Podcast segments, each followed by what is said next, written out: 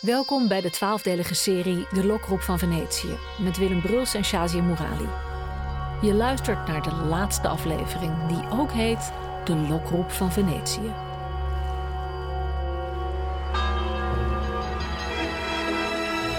Willem, ik droomde jarenlang van Venetië en ik ben er geweest een jaar of tien. Ik zag alleen maar een toeristenmassa, kitschwinkeltjes. Ik heb de stad niet gevonden, dat gevoel dat ik zo... Ga jij mij het Venetië waar ik van heb gedroomd laten vinden? Er zijn die vele toeristen en die toeristenstromen en die winkeltjes. Maar als je één steegje naar links of één steegje naar rechts... Als je een heel klein beetje weet van de geschiedenis, van de muziek, van de componisten die hier geleefd hebben. Dat elke steen een, een verhaal heeft en dat elk huis een verhaal heeft. Je je vingers in dat water aan de onderkant. Daar zitten al die geheimen en al die Als je dat weet, dan wordt die stad opeens heel anders.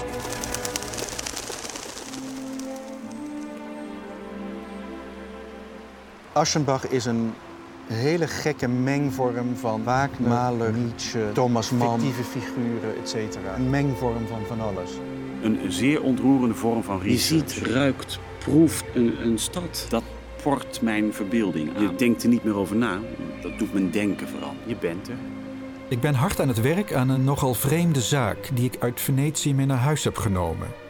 Een novelle, ernstig en zuiver van toon, handelend over een geval van knapenliefde bij een ouder wordende kunstenaar.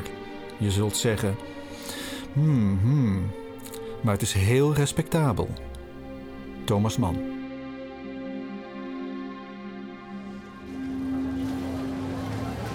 Buonasera, per San Giorgio Maggiore. Prossimo pontile, la linea 2. Grazie. Lijn 2 moeten we naartoe. Ja. We gaan naar de overkant. Ja, San Giorgio. Maggiore. San Giorgio Maggiore. We hebben een afspraak met eh, Ramzi Nasser, eh, de acteur en eh, schrijver. Hij werkt hier aan een toneelversie van Dood in Venetië op basis van de novelle van Thomas Mann. En ik ben heel nieuwsgierig hoe hij hier in Venetië daaraan werkt. En hoe hij aankijkt tegen dat verhaal dat voor jou zoveel betekenis heeft. Precies. San Giorgio Maggiore. Sì.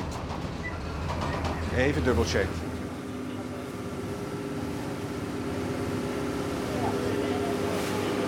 Hoe vaak ben je eigenlijk in Venetië geweest? Ik heb het eh, eerlijk gezegd nooit geteld. Eh, ik vermoed tussen de 10 en de 15 keer. Ik denk eerder 15. Ja, dat zal goed kunnen. Ja. Zou je hier permanent kunnen wonen? Gek hè, dat je daar. eh, dat ik daar aan twijfel. Ik bedoel, we zijn gisteren naar La Fenice geweest. Dat is wat je hier te zien krijgt. Als hier nou zou leven, en ik zou daarvan afhankelijk zijn, van zo'n soort cultuur in zo'n soort gebouw, op, dat, op, op die manier, dan zou ik er niet meer naartoe gaan. Dus dan zou mijn leven anders worden. Ehm, maar ja, het is heel verleidelijk om hier een half jaar te zitten per jaar. Mijn leven, leven, nee. Nee, dus nou is de ironie dat die schrik die ik had de eerste keer dat ik hier kwam, van de kitsch,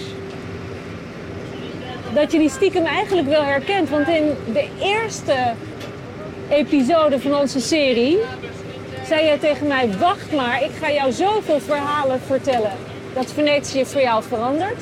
Is gebeurd. Ik, ik hoor nu ook diezelfde echo van het verleden. Maar nu begin jij eigenlijk over de ondraaglijkheid van de kitsch. Ja, het is. Het is Ja, nee, nee, lach niet zo. Je mag Nee. gewoon, gewoon ja, punt zeggen nou. ja. Maar toch ga ik wat zeggen. Het zouden niet de toeristen zijn waar ik moeite mee zou hebben. Maar het is de Venetiaan die inspeelt en die verandert en die anders programmeert, anders, zich anders gedraagt vanwege het feit dat die toeristen er zijn. En dat was die Rossini van gisteravond. En dat was die Rossini van gisteravond. Maar die bloemen op het graf van Monteverdi, al dan niet echt zijn graf, maken alles weer goed, toch? Ah, zeker. Er zijn dus mensen die thuis naar die muziek luisteren en die de behoefte hebben om die man te bedanken voor wat hij in hun leven brengt. Van ongelooflijke schoonheid en ontroering. Sogno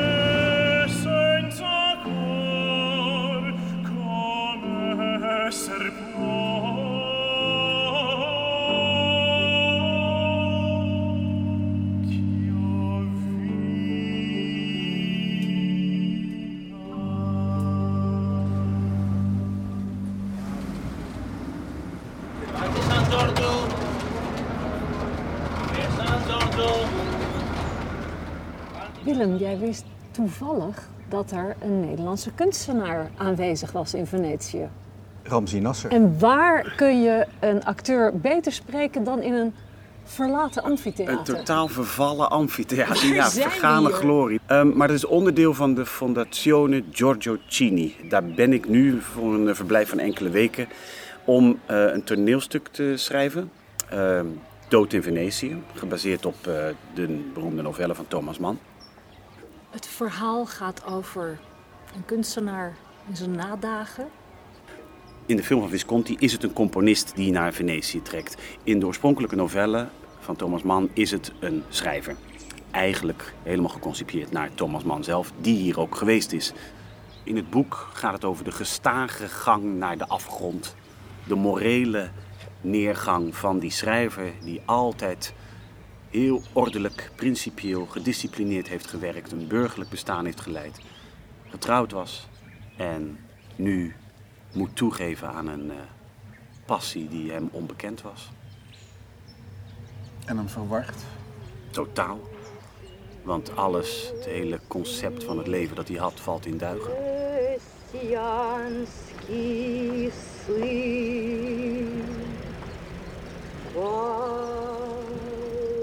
De beheersing tegenover de passie.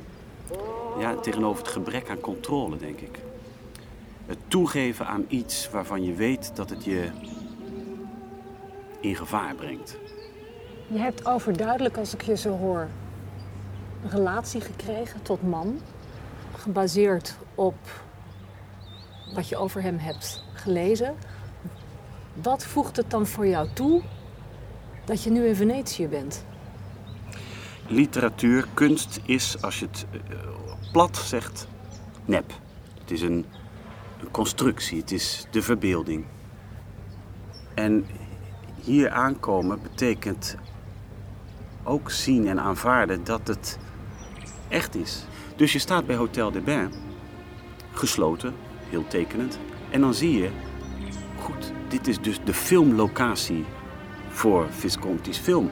En dan denk je, ja nee, dit is de plek waar Von Aschenbach Tadzio zag en waar Von Aschenbach heeft geslapen. En dan denk je, nee, dit is de plek waar Thomas Mann echt heeft verbleven. En die ervaring, dat is iets dat ik nog niet eh, vaak heb meegemaakt. Je zei dat die gelaagdheid hè, van eh, Visconti, eh, Man, Ja. eh, de novelle bij dat, bij dat gebouw. Ehm, in mijn literatuur heb ik gelezen dat één jaar voordat Thomas Mann er was, dus in 1910, de familie Visconti er was met, met de jonge Lucchino. En als, was die, was die toen al... met zijn moeder. Maar wat ik zo interessant vind, is dat als Thomas Mann één jaar eerder was geweest, Ja, was er een kans geweest dat Tacho ja. Lucchino was geweest. Omdat, ja, raar hè? Maar de herinneringen van Visconti aan zijn eigen vakanties hier in Hotel de Bain Ja. hebben, hebben meegespeeld in zijn fascinatie voor het onderwerp.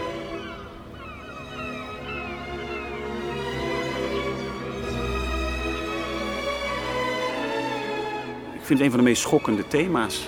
En een van de meest aangrijpende thema's. Een man die zichzelf verliest door zijn hele verlangen te projecteren op een jongen die eigenlijk alleen maar als beeld fungeert en zijn hele leven te zien instorten op basis van een droom.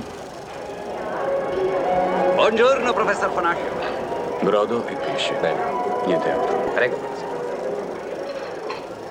Het is iets dat hem totaal overkomt. Hij kijkt naar een, een jongen en denkt, jeetje, die is mooi. Mooie jongen zeg. Goh. En dan gaat hij verder met zijn soep eten. Kijkt hij daar nog eens naar. Echt een mooie jongen. Nou, nou. En dan gaat hij weer verder. En de volgende dag ziet hij die jongen weer. En dan heb je die jongen weer. En dat is een zaadje dat zich plant zonder dat hij daar besef van heeft. En dat vind ik het ontroerende. Een, de, het ontdekken van gevoelens die, waarvan je niet wist dat ze bestonden. En dat is dus wat mij overkomt als ik hier in Venetië kom. Eh, er opent zich een wereld waarvan je niet wist dat die bestond. Dus je ervaart een gelukzaligheid waarvan je denkt, waar komt dit nu toch vandaan? Migratie. Ninola.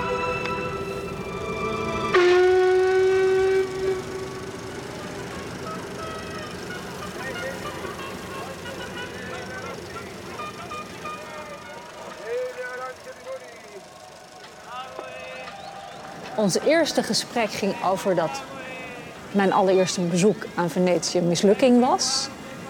En ik liep net langs een paar marktkraampjes. En de geur van verse aardbeien, ja, die bedwelmde mij bijna. En ineens was ik in die betovering.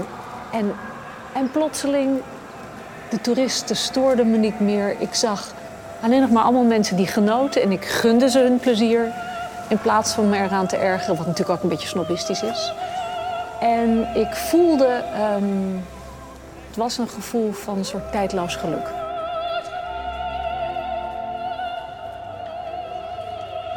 Ik heb verteld over het, de behoefte, als ik iets mooi vind, om erin te kruipen. Om er deel van uit te maken. Ik zou, ik zou in de muziek willen kruipen. Ik zou in dat schilderij willen kruipen. En wat ik mij realiseerde nu ik hier ben met jou, is dat Venetië dat eigenlijk is. Want alles is zo perfect, alles is zo'n gezamtkunstwerk in deze stad. Alles klopt, zelfs de lelijke dingen kloppen, zelfs de toeristen kloppen. Maar je, je bent erin, je bent in die stenen, je bent in die gebouwen.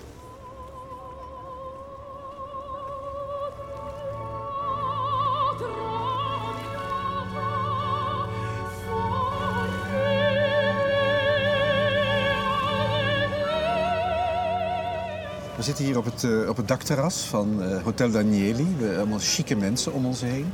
Uh, maar jij bent hier ook heel graag hè, in dit soort plekken en dit soort omgevingen. Ik word er echt heel gelukkig van. We zitten hier ongeveer op het dak van Venetië. Het water is aan onze voeten.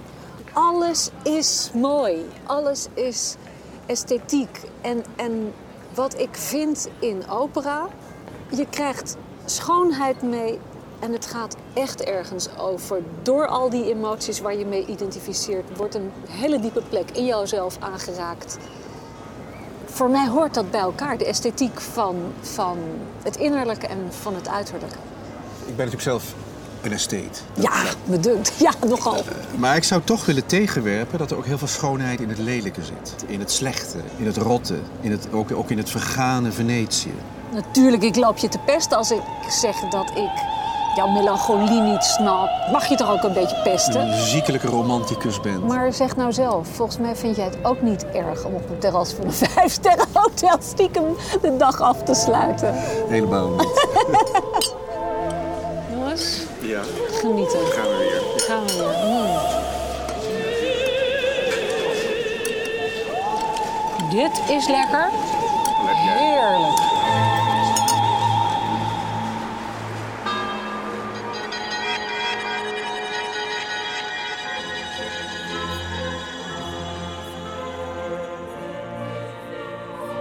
Dit was de laatste aflevering van de twaalfdelige serie De Lokroep van Venetië met Willem Bruls en Shazia Morali. Productie en regie Aletta Becker. Sounddesign en techniek Hubert Boon. Eindredactie Frans van Gurp. En deze co-productie van NTR en Aletta Becker Producties kwam tot stand met steun van NPO Radio 4 en het NPO Fonds.